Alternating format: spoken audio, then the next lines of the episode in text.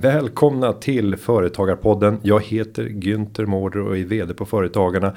Och idag så ska vi fokusera på Ska vi säga det svenska spelundret finns det där ute? Ja, vi ska få möta en person som verkligen har fått se spelbranschen växa i Sverige och förhoppningsvis så kan vi inspireras av de här svenska spelsuccéerna. Jag säger välkommen till Företagarpodden. Vår gäst för dagen är ingen mindre än Tommy Palm. Han är vd och medgrundare för spelstudion Resolution Games. Han har en bakgrund som talesperson och spelutvecklare på King där han var en i teamet bakom världssuccén Candy Crush Saga som inte kan ha missat någon där ute. 2015 så lämnade han King för att starta eget. Resolution Games har idag 65 anställda och går med vinst på månadsbasis. Creandum, Bonnier Growth Media och Google Ventures är några av investerarna i bolaget som rankas som ett av Europas viktigaste startup. De satsar framförallt på mobilspel inom VR och AR. Välkommen till Företagarpodden. Tack så mycket, jättetrevligt att vara här. Jag är först nyfiken på att höra det här beslutet som du fattade att lämna ett eh, väl etablerat spelbolag som hade succén liksom bekräftad till förmån för att starta eget. Vad låg bakom det valet? Ja, jag har ju startat eh, Resolution Games, mitt femte bolag som jag startat. Så jag har ju haft det här lite i, eh, i blodet att jag gillar att dra igång nya företag, framförallt inom dataspel som jag varit vansinnigt intresserad av sedan barnsben. Så det kändes nog ganska naturligt. Ehm, King köpte mitt eh, mitt och en annan killes eh, företag som hette Fabrication Games och vår spelmotor som vi hade gjort.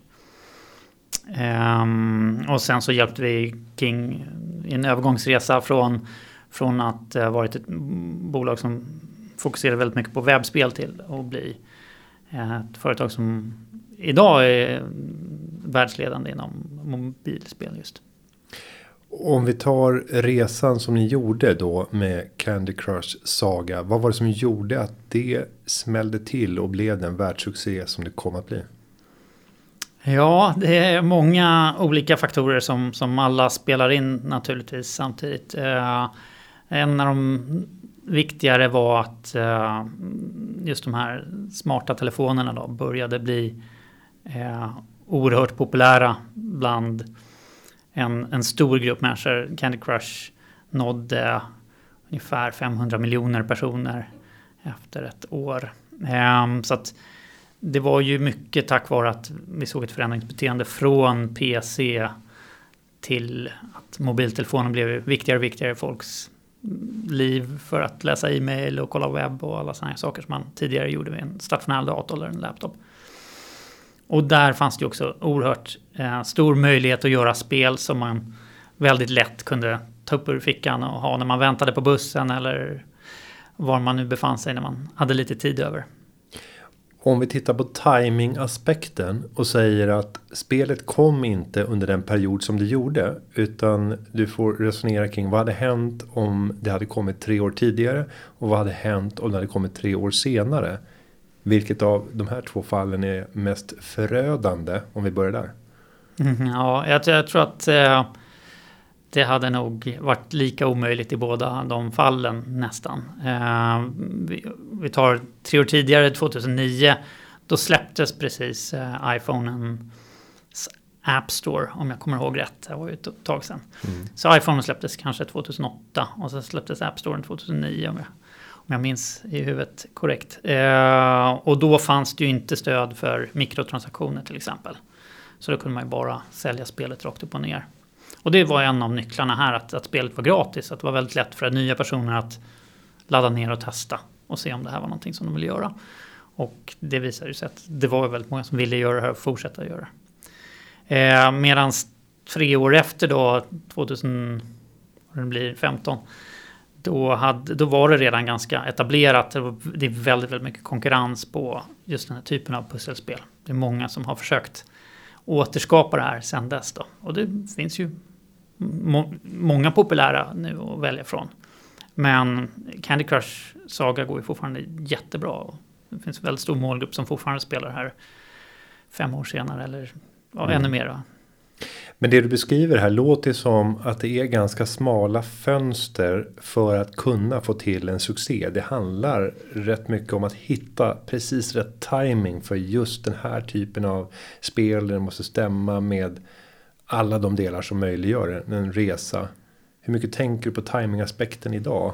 När du ja, sitter och utvecklar spel? Ja, det är en jättebra fråga. Jag tänker väldigt mycket på det. Och, och um, för det är verkligen en sak som jag lärde mig. Kanske inte så mycket just med Candy Crush specifikt. För att eh, det gick jättebra för den. Men, men någonting som jag kände tidigare i min karriär där när vi hade den här Resolution Games var att eh, trots att vi hade liksom gjort analysen rätt, jag och Alexander, min andra medgrundare där, så var det fortfarande oerhört svårt att få någonting att slå. Um, så att en av de stora så, disruptive technologies, brukar man prata om mycket på engelska, eh, var det här med mikrotransaktioner och, och, och, att man som spelutvecklare ägde hela kedjan, att analysera hur folk spelar, eh, när de slutar spela, varför slutar de spela. Kan man, kan man uh, göra så att det inte blir för svårt vid något visst tillfälle eller för lätt så att det blir tråkigt. Sådär. Och det var väldigt många bolag som var bra på att göra spel. Eh, men det var väldigt få som överlevde för att det var många som kunde hela den här kedjan och fatta både hur man marknadsförde spelet, hur man analyserade det som hände Eh, och kunde fortsätta jobba med spelet aktivt på ett bra sätt så att man behöll communityn och folk fortsatte komma tillbaka till det. En fråga helt utanför det förberedda manuset men som bygger på min egen nyfikenhet. Eh, ditt stora spelintresse måste ju också innebära att du har någon klar favorit bland alla spel. Gå tillbaka till eh, 90-talet. Jag misstänker att du satt med konsoler i början av 90-talet till och med på 80-talet. Vilket är det överlägset bästa spelet enligt ditt förmenande? ja, eh, det är nästan omöjligt att säga.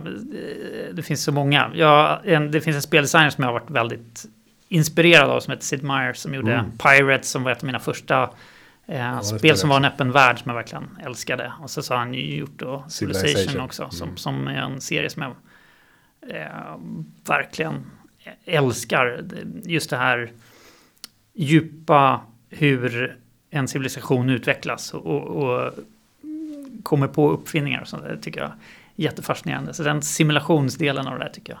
Sen är det liksom ett ganska torftigt krigsspel som, ja, som inte är särskilt... Men det är underbart. Det, det, det är jag som jag skulle lyfta fram som min överlägset största favorit från Civ 1. Som då kom 93 eller 94. Jag minns i alla fall att det var där man började spela tidigt, tidigt 90-tal i alla fall. Och sen genom alla versioner var det några som har varit besvikelser. För att det inte har hänt tillräckligt mycket spännande saker. Men otrolig spelupplevelse för den som orkar sätta sig in i med ganska höga barriärer. Ja, absolut. Det, det gjordes ju på en tid där när det var en väldigt nischad målgrupp. Jag tror absolut att just ett sånt spel är någonting som man skulle kunna göra mycket bredare.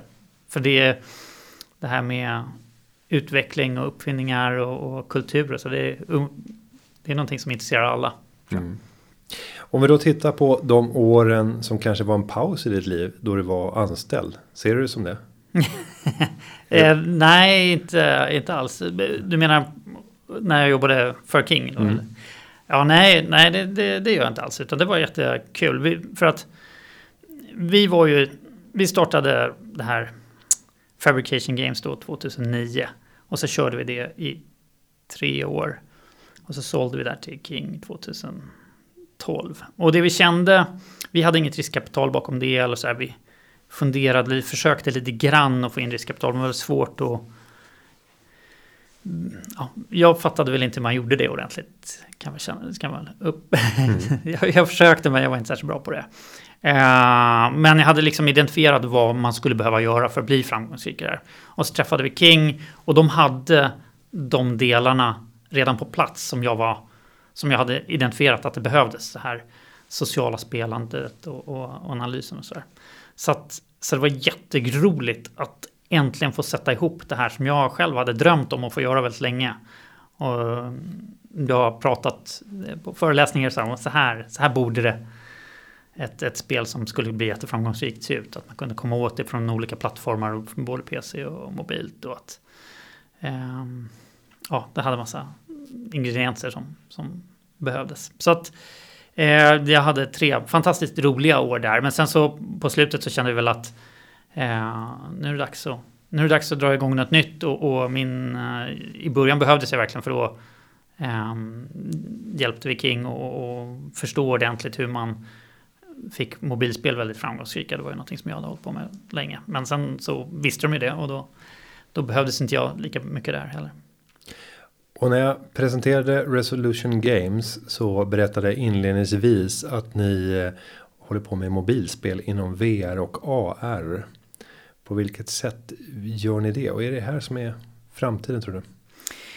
Ja, alltså eh, vi håller på med, med eh, spel till VR. Eh, vi baserar, vi, vi har fokuserat väldigt mycket på eh, mobilteknik. Det vill säga, vi, när vi satte igång då 2015 så, så pratade vi och så sa vi att vi tror att det kommer att Um, utvecklas åt två olika håll. Det är en som kommer vara PC-baserad uh, eh, som, som kräver en, en väldigt kraftfull dator där hemma.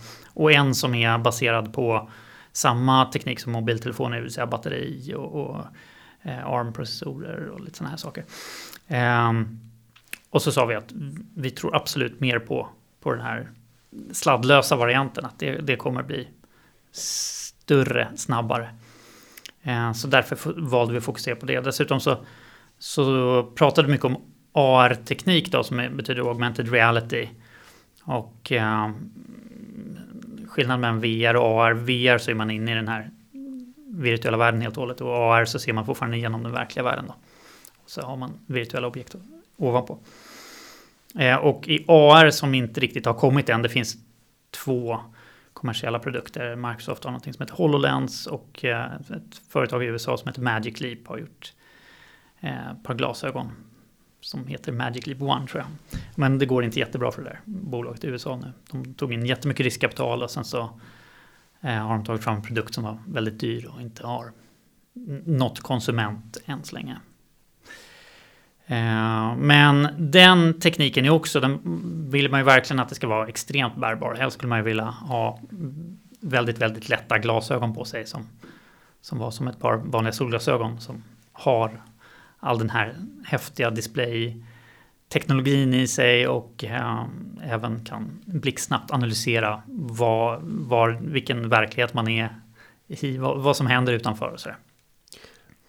Och där, och där, har jag förvånats lite grann över att utvecklingen har stått stå sti så stilla. Men det kanske är att jag inte är insatt i vad som egentligen händer.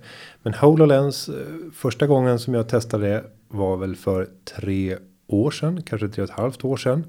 Eh, och, sen, och då var det ett väldigt brus kring det och hur det här skulle kunna komma att förändra hela framtiden. Och eh, jag fick presenterat för mig att i grunden kan man jobba med till exempel ansiktsigenkänning här. Och kunna läsa av ett rum och se människor och sen koppla det till Facebooks data och kunna få namn under respektive person som dyker upp framför dig. Du kan välja om det är någonting annat ur Facebook-profilen du vill hämta upp? Är det civil status eller är det varifrån de kommer eller vilka grupper som de är med i eller vilket lag de håller på? Eh, du kunde koppla det till Lexbase för att sen se snabbt om det är någon som är dömd för ett eh, våldsbrott som du har framför dig här inne på baren. Det kändes som att de här nya typerna av AR-glasögon skulle kunna ge oss helt nya superkrafter. Men sen tycker jag, och det kanske är för att jag inte är tillräckligt djupt in i världen, att det blivit väldigt tyst och att det inte har hänt någonting. Mm, av betydelse. Jag, jag tror att det, det, händer väldigt mycket, ja. men, men under ytan. Jag tror en av de grejerna du beskriver är ju väldigt integritetsproblematisk och det har varit mycket diskussioner på senaste tiden om vem som äger data och vad man får göra och sådär. Det här är ju teknik som har anammats oerhört starkt i Kina till exempel, där det inte finns någon, någon eh, GDPR och motsvarande. Precis. Mm. Eh, men, men det här med att man får superkrafter, det, det är någonting som... Det, det, är ett bra sätt att tänka på det tycker jag. Eh, för mig så påminner det väldigt mycket om när internet kom. I början så var det svårt att inse. Det var några tjänster som till exempel e-mail och så här, som var väldigt lätt att förstå. Liksom, att, okay, det här är ett jättebra sätt att kommunicera med folk som är långt borta. eh, blixtsnabbt. Men andra tjänster var mycket svårare och folk teoretiserade lite även på 80-talet. Liksom, ja, man kanske kan köpa biljetter eh, på nätet. Men det tog ju väldigt lång tid innan det blev så. Det var massor med tjänster som behövde liksom falla på plats först. Och lite samma sak i det här då. Och, och I det här fallet så det vi behöver först och främst är tillräckligt bra hårdvara. Och när det gäller just AR då finns inte det än. När det gäller VR däremot så precis just idag när vi spelar in den här eh, podcasten så, så släpps Oculus Quest 2 som är den senaste versionen av, av ett VR-headset som Facebook äger som är oerhört bra. Eh, pris, priset är hyfsat lågt, det ligger på 3600 här i Sverige och eh, man får, en, man får väldigt, väldigt mycket från, från pengarna. Vad är skillnaden jämfört med tidigare versioner? Vad är det som är nytt? Ja, det är eh, väl framförallt ganska enkla grejer som att den inte är kopplad till en dator till exempel. Så att du, du slipper allt problem med så här, teknik, drivrutiner, mm. Windows-uppdateringar, brandväggar och sådana här saker. Utan här har du en, ett, en hårdvara som redan har operativsystemet färdiginstallerat, hämta nya uppdateringar eh, i smyg utan att du behöver märka och bry dig om så mycket. Så att du kommer direkt in i VR, vilket är en bra grej. Och sen så här har man sina händer, eh, man, den har till och med liksom så att den kan, man behöver inte ha några kontroller utan den kan se dina händer med kamerorna och, och du kan använda dem in i, i den här virtuella världen, vilket är fantastiskt eh, häftigt för många tjänster. Man har ju, det är så oerhört intuitiva verktyg. Det skämtas mycket om i spelbranschen att något spel som man skulle trycka på F för att eh, visa respekt för någon som skulle begravas. Det är, det är ganska typiskt för spel. De är så här, det är fantastiskt visuella. Och man, det ser ut som verkligheten, men eh, interaktionen är också oerhört kantig man trycker på olika knappar på tangentbordet som ska representera olika saker. Eh, men när man får in händerna eh, då blir det ju väldigt mycket mer realistiskt. Ett bra exempel är ju Microsoft nya flygsimulator till exempel. Som, är, som nästan inte går att se skillnad på verkliga världen och, och den här flygsimulatorn. Men ska man spela med tangentbord då måste man komma ihåg att K står för att slå av lampan i kabinen. Medan kör man VR då räcker det med att man tittar på cockpiten och så är det precis som det är i verkligheten. Då, så att man kan ha sitt minne och sitt spatiala tänkande för att lära sig flyga helt enkelt. Om vi nu tittar på att eh, det har kommit ny teknik som förändrar spelplanen på VR-fältet. Vad om vi går tillbaka till timing kommer vara rätt att släppa nu? Ja, jag tror att det finns massor med spännande tjänster som inte än är utvecklade, både inom spel och eh, inom alla andra typer av områden. Eh, VR är ju oerhört bra, för exempel utbildning. Eh, vi pratade lite innan här, vi satte igång om det här med videosamtal och, att umgås över långa distanser nu under coronatider. Och att kunna mötas i VR innebär att man känner en oerhört mycket närmare närvaro. Så, att, så att där finns det väldigt mycket spännande sociala eh, tjänster. Och titta på Netflix tillsammans kan vara en, en, en, väldigt mycket mer intim upplevelse än vad det skulle vara eh, om man sitter vid varsin dator långt ifrån varandra. Sen mm. är det fortfarande överlägset att sitta bredvid varandra i soffan än så länge. Och då är det alltså, tänker du kombinationen av att via VR kunna titta på filmen men också kunna vrida huvudet till vänster så gör jag det här i studion mm. och bränner mig bort från mikrofonen och se sin eh, partner eller kompis. Exakt, bjuda på lite virtuella popcorn och, och, och kanske köra en high five om, ja. om det är någon rolig skämt som man skrattar åt tillsammans. Ja. Eller sånt där. Eh, så det, det, finns eh, jättemycket spännande, inte bara för spelindustrin. Men om man tittar specifikt på spelindustrin som är det jag håller på med så tror jag att det finns väldigt mycket eh, intressanta saker inom eh, eh vi har nu nyligen släppt ett spel som kombinerar spel och sport. Så att man, man eh, blir oerhört liksom, varm genom att hålla på med det här. För att man behöver ducka och hoppa och, och kråla och alla möjliga grejer. Eh, så det är ett jättebra sätt att, att träna och jag tror att ungdomar idag, många av dem kanske inte tycker att det är så kul att springa fem kilometer. Men om man ger dem ett, ett spel som de får hålla på med istället så det är en helt annan sak att få dem att röra på sig. Och törs du eh, spana in i framtiden och relativt kort tid och säga inom fem år kommer vårt beteende att skilja sig dramatiskt åt inom något fält och då tänker jag framförallt kanske då på spelområdet där du är djupast engagerad. Ja, det tror jag absolut i, absolut i meningen att, att spel kommer att engagera mycket fler personer. Jag tror att vi, vi ser en tillväxtkurva för spel som, som är från mitt perspektiv jättespännande. Det, att det är fler som tycker att det är den bästa typen av underhållning. Och även eh, om man tittar på tv eller så här serier, film, så har ju många av ungdomarna idag föredrar att titta på YouTube och titta på folk som spelar spel. Mm. Um, och det där tror jag absolut, mycket av det där kommer um, också komma över i VR. Att man, man upplever en, någon som är jätteduktig på att spela spel eh, genom att sitta bredvid i VR-headsetet och känna att man verkligen är nära. Liksom. Och om vi tittar på den här målgruppen som blir större. Är det för att eh, det är en äldre generation som introduceras eller är det av de naturliga skälen att vi blir ett år äldre för varje år och att vi därmed snart har en helt levande population som har vuxit upp med tv-spel. Det är ju egentligen bara 25 år kvar. Mm. Jag, tror att det är, jag tror att det absolut att det är en kombination. Jag tror att det är många som eh, med mobilspel började spela spel som aldrig trodde att de skulle göra det. Plötsligt tyckte att men, det här är ju jättekul. Word Feud kan jag spela med eh, någon som jag inte uh, har chans att träffas lika mycket med varje dag för att de bor på annan ort till exempel. Eh, och eh, så det, det, kan vara ganska traditionella grejer. Det kan vara liksom, kanske, man skulle kunna tänka sig att man träffades och löste korsord eller gjorde sådana grejer som, som inte bara är det senaste, allra häftigaste skjutspelet från USA utan att det faktiskt är ganska banala saker som, som nu är, eh, blir mycket mer sociala. Men man fortfarande då kan ja, um-, umgås på ett sätt även fast man inte har chans att träffas lika eh, ofta nu i coronatider till exempel. Och du var inne på det tidigare och nämnde just utbildning som ett spännande område för VR. Och det är klart att med coronakrisen i färskt minne och eh, hur skolan fortsätter att fungera. Tänker man högre utbildning, stora föreläsningssalar, eh, ganska låg grad av interaktion.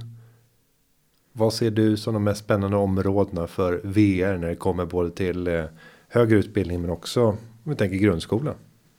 En sak som är väldigt uppenbar för mig som håller på och gör såna här liksom, världar och det är ju att man kan ju skapa oerhört läckra miljöer om inte annat. Alltså där, där eh, man verkligen kan bli inspirerad. Så man ska läsa på någonting om de gamla grekerna så kan man ju liksom verkligen besöka eh, de där miljöerna och, och, kanske läsa böcker till och med i, eller lyssna på en audiobok i den eh, världen istället.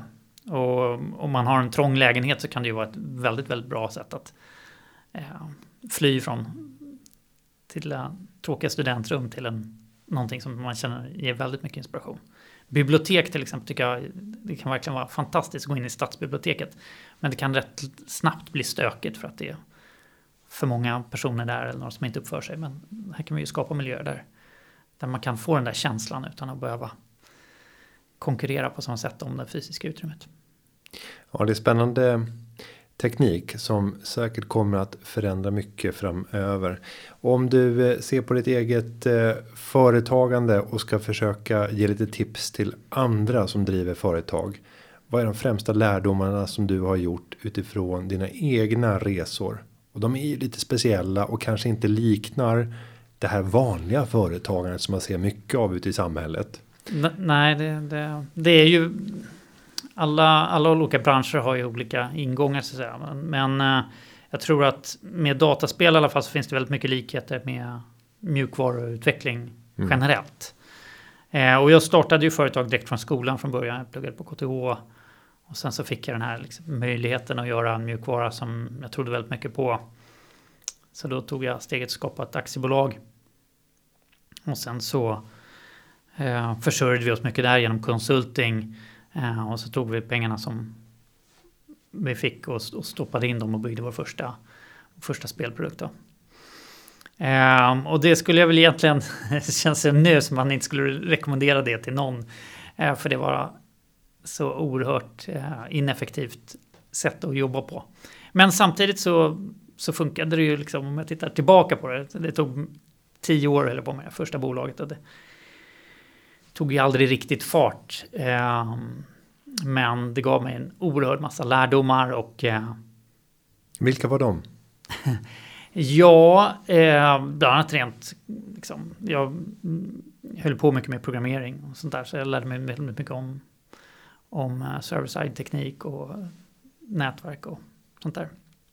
Men sen även... Eh, jag har ju aldrig läst någonting om företagets ekonomi eller sånt där. Så det, där har jag verkligen lärt mig. Eh, när, i, i, takt med att man behöver eh, förstå hur semesterersättning och där fungerar så blir man tvungen att i dagsläget googla på det för, för att hitta rätt. Då. Har ni haft eh, hjälp av en redovisningsbyrå eller har ni kört det själva?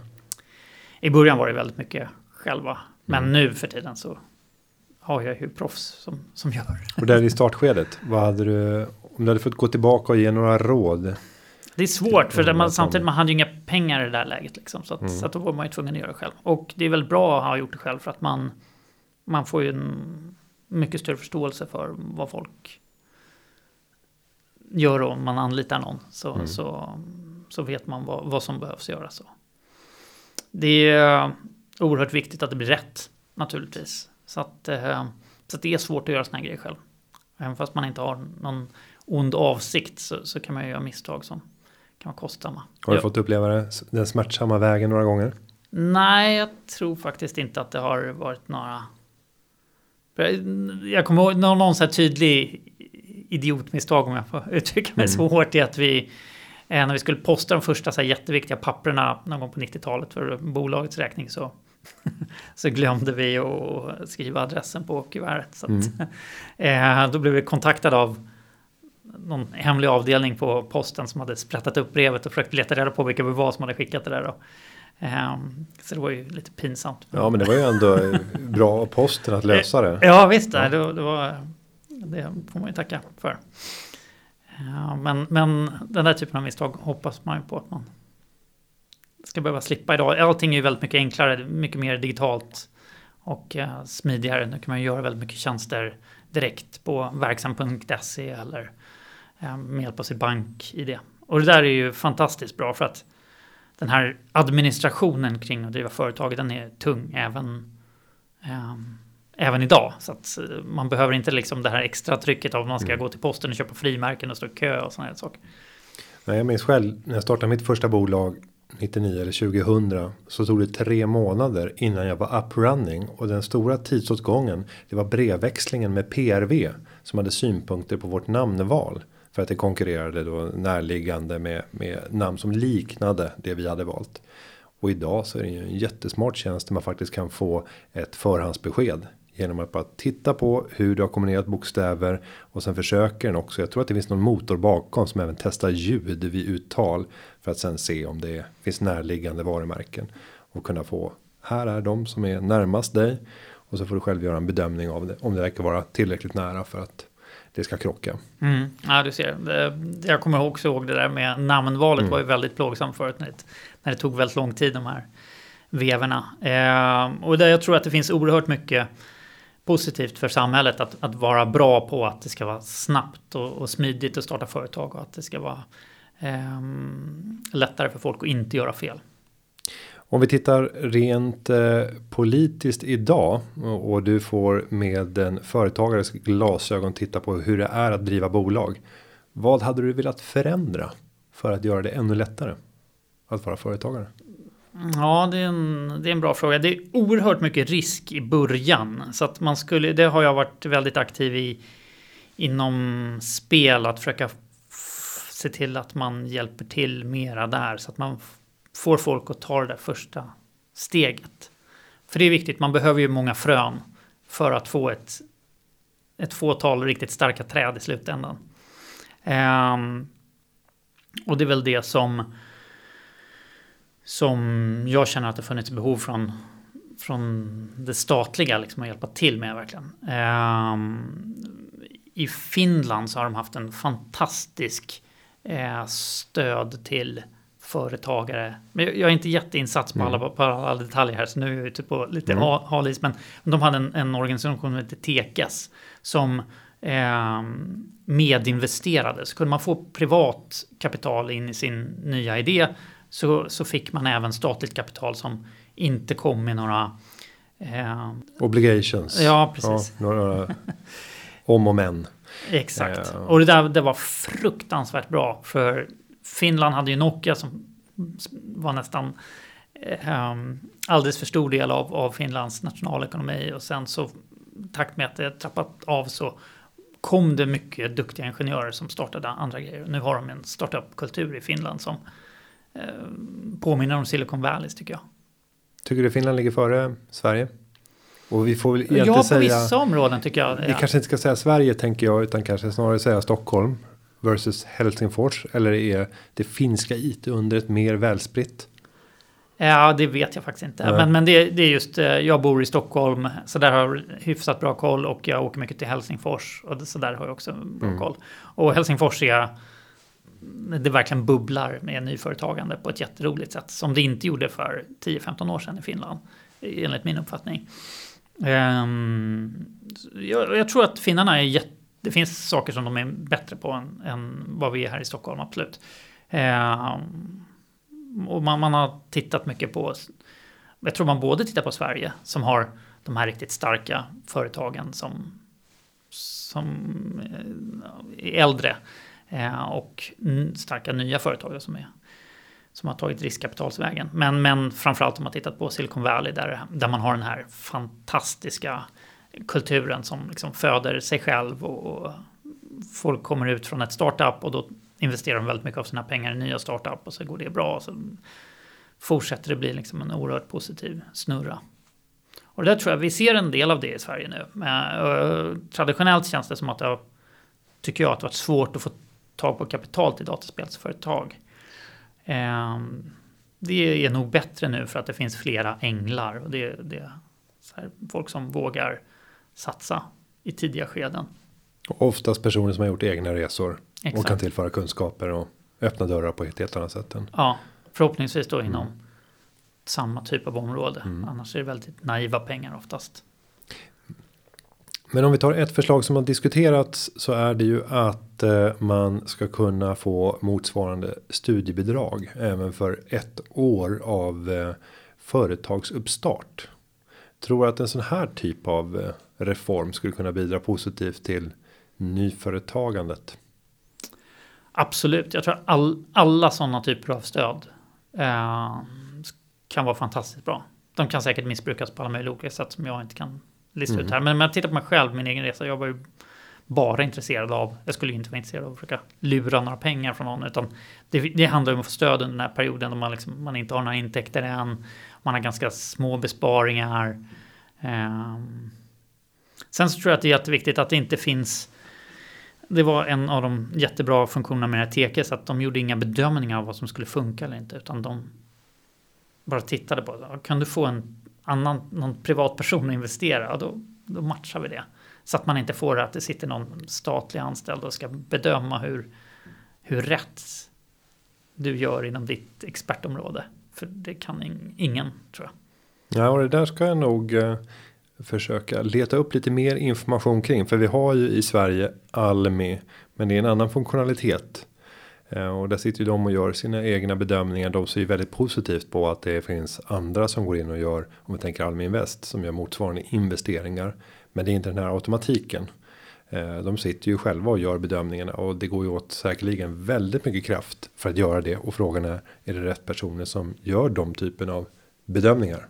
när de själva handskas med andras pengar. Det är lättare att ta rygg. Absolut. Eh, jag kan ju säga själv att eh, inom dataspel där jag har hållit på och verkat under många år och, och på vissa områden anser mig vara ha viss expertkunskap i alla fall. Så, så det, det, är ju nästan omöjligt att säga om någonting är, så, är bra eller inte. Mina verktyg som jag har tagit fram själv baseras mycket på att jag inte vet utan jag försöker komma fram till slutsatser snabbare hela tiden. Så det är så jag bygger processer som, som uh, validerar beslut snabbare. Istället för att säga ja eller nej i för tidiga skeden och tro på vackra ord. Ja, för hur tänker du själv? Du har investerat i hur många bolag i dagsläget? Ja, jag vet inte. Någonstans kring 15-20 stycken kanske. Mm. Hur tänker du inför en sån uh, ny investering? Eh, ja, först och främst måste man säga att jag är ju då, jag är då vd för det här Resolution Games. Det är mitt heltidsjobb. Mm. Att, och det gör jag ju med nästan all min vakna tid. Så mm. mina investeringar som jag gör, det måste jag göra på sidan om. Så att det måste vara grejer som inte eh, tar någon tid från mig. Så att där sållas ju de allra flesta bort och många vill ju att jag ska vara med på grund av att jag ska kunna hjälpa till och det, mm. det kan jag väldigt sällan i det här skedet i mitt liv. Eh, så att jag gör mest investeringar när det är folk som jag litar på som har gjort någon resa förut som jag känner till. Eh, eller om det är något område som jag är jätteintresserad av. Jag har investerat i ett bolag i eh, där, där ingenjörsteamet sitter i Bratislava i Slovakien. Och gör, jobbar med voxelteknik. Voxel, då får du hjälpa mig. Voxel, det är volumetriska pixlar. Det blir väldigt, det är väldigt, det är väldigt tekniskt. Ja. Det, det, är grafik egentligen, mm. det, det, som man kan använda i antingen dataspel eller medicinteknik eller simuleringar. Så här. Superhäftiga grejer. Mer högupplöst grafik kan man slarvigt sammanfatta det på det sättet eller? Ja, Nej, det kan man det göra. Det, ja, men ett, ett, okay. ett bra sätt tänker jag är att uh, Minecraft-världen har du sett någon gång. Mm. Den är så här fyr, fyrkantiga stora mm. lådor liksom. Det är, kan man säga, väldigt grova voxlar. Mm. Så istället för att jobba med trianglar som man gör vanlig grafik så jobbar man med, med eh, atomer istället. Som är, så man jobbar inte bara med yta utan man jobbar med volym. Mm. Eh, men, men det, är ett, det är ett jättedjupt område och eh, jättespännande att prata om. Men jag tror att det är en annan podd än, än företagarteknik. Ja. Men i alla fall det, det, är en, det är en typ av investering som jag tycker är jätteintressant. För då kan jag lära mig mer om ett område och hjälpa till att stötta det här gänget med, eh, med min input från hur det funkar i dataspelsproduktionssammanhang. Och om vi stannar till lite grann och försöker ge dina perspektiv på riskkapital. För nu har du själv investerat i andra bolag.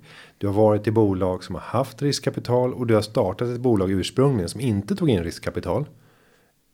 Vad gör du för reflektioner idag kopplat till riskkapital och hur man som företagare bör förhålla sig till det? Jag tycker det är en fantastisk möjlighet. Det är jättebra att det finns. Eh, och jag tror, jag har sett både dåliga riskkapitalister och bra. Eh, kan man säga någonting karaktäristiskt om vad är dåligt riskkapital och vad är bra riskkapital? Ja, det finns ju folk som är rena lurendrejare som på person, personnivå snarare? Ja, mm. som vill stoppa in lite pengar för att sen kunna småningom ta över mer och mer av företaget. Mm. Och det vill man absolut inte få in. Eh, och så finns det ju då på andra sidan spektrumet så finns det de här världsberömda företagen, framförallt i USA då, på riskkapitalsidan som är bland världens bästa på att investera massor med pengar och resurser och smarta personer bakom sig som verkligen kan hjälpa till och se till att man har en idé och förverkliga den och ta över världen med, med någon ny teknik. Mm. Um, och så finns det allt här emellan då. Vi har en del eh, bra riskkapitalbolag här i Sverige då, som Creandum och eh, North Zone och Bonnier Ventures och allt vad de heter. Och eh, vad ska ett eh, bra riskkapital göra i förhållande till entreprenörerna? Ja, då ska ju bland annat veta när de ska hålla sig lugna och, och låta entreprenören jobba på i fred. Och sen så bra riskkapital kan ofta gå in och investera i flera runder tycker jag. Man ska inte bara kunna liksom, stoppa in pengar en gång utan se till att, att resan går bra fortsatt framöver. Det är svårt att veta om, om det är färdigt vid en, en investering eller många. Så det är jättebra om man har en stor plånbok och inte investerar alltid vid ett tillfälle. Ja. Men sen så det, flest, det mesta grejen är ju på entreprenören ändå. Man måste ju... Man ska inte förvänta sig att riskkapitalbolaget kommer göra mycket av arbetet. Utan jag tror att det är mer som, en, Eh, som ett stöd i styrelsen till exempel. Och kunna hjälpa och, med nätverket i vissa fall. Och så tänker jag att en hel del riskkapitalaktörer presenterar sitt eget bud som att pengarna absolut. Det är ju en komponent, men för oss så är inte det det viktiga, utan det är ju vad vi kan tillföra. Vad är det man ska tänka på när man har den där typen av uttalandena och för att syna? Mm -hmm. Ja, det där de kan erbjuda. Vad är det för någonting? Ja, nej, men jag tror att det är många som det har de ju insett många av riskkapitalbolagen att de måste. Det är så man kan sticka ut.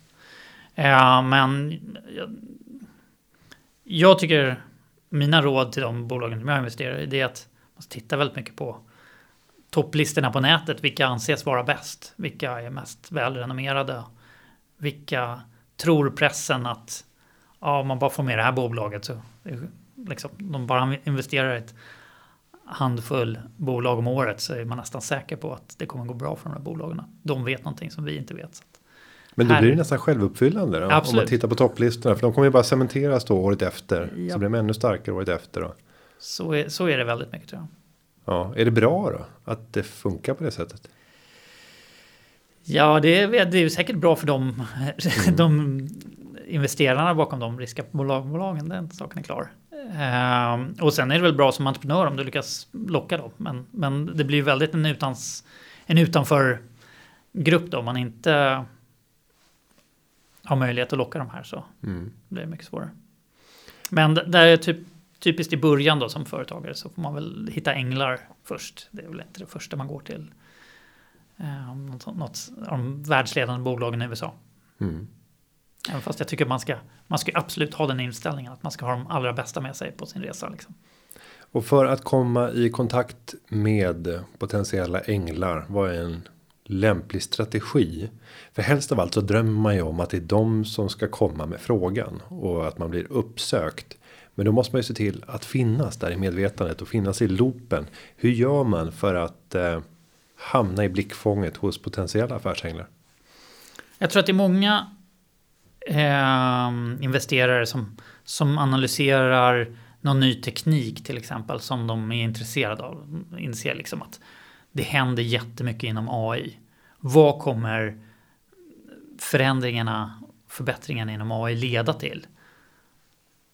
Så att om man är bra på att hoppa på de här buzzwordsen då så ökar chansen absolut att man får upp folks intresse för det man håller på med. Så VR var ju stenhett 2016. Um, ehm, nu tog vi in kapital lite tidigare när det var som allra hetast där. Men det gick ju bra ändå. Um, så att det kan vara, det, det öppnar massa med dörrar att man är rätt timing här med, med rätt, eh, med rätt eh, buzzwords.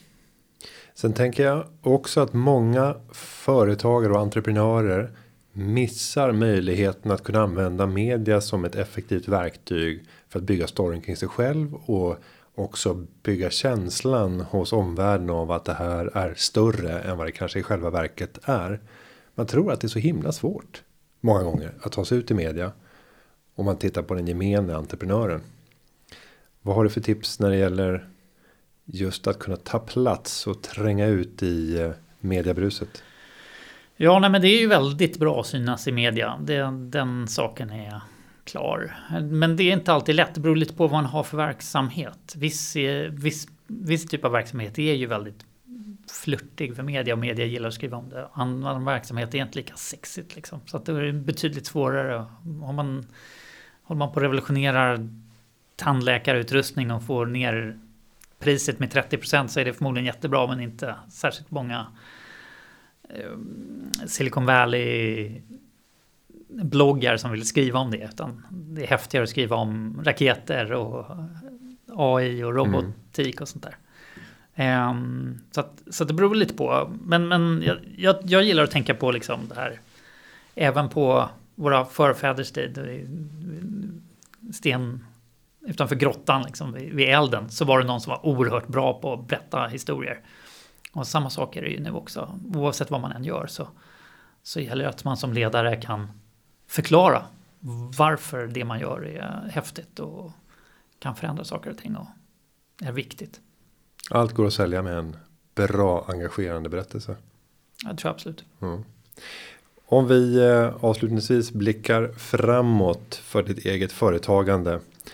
Är drömmen att eh, bygga ett gigantiskt företag nu inom spelindustrin eller är det att kunna få en mångfald genom mängder av olika engagemang i de investeringar som du gör och kunna fortsätta utveckla nuvarande bolag. Hur går tankarna? Nej, mitt huvudfokus är det, är det här Resolution Games då. Eh, jag tror att det är, det är superspännande teknik och jag tror att vi kan i Sverige få till ett oerhört starkt bolag inom det här. Vi har väldigt mycket bra eh, dataspelskunskap och ingenjörer. Eh, och jag är övertygad om att eh, vi är bra på den här typen av teknik och det här kommer bli väldigt viktigt för mänskligheten över hela världen. Så, att, eh, så jag, jag ser jättespännande framåt och se hur det här kommer att utvecklas. Vi får förhoppningsvis tillfälle att ses igen här i eh, podden och prata mer om några år och se hur det har utvecklats. Tommy Palm, stort tack för att du kom till Företagarpodden. Tack så mycket, jag kommer gärna tillbaka. Och jag ska säga att underlaget till den här podden har förberetts av David Hagen och klippningen den är gjord av Petra Chu. Vi hörs igen nästa vecka som alltid. Hej så länge. Företagarna ja, ja, ja, ja, ja, ja. Företagarna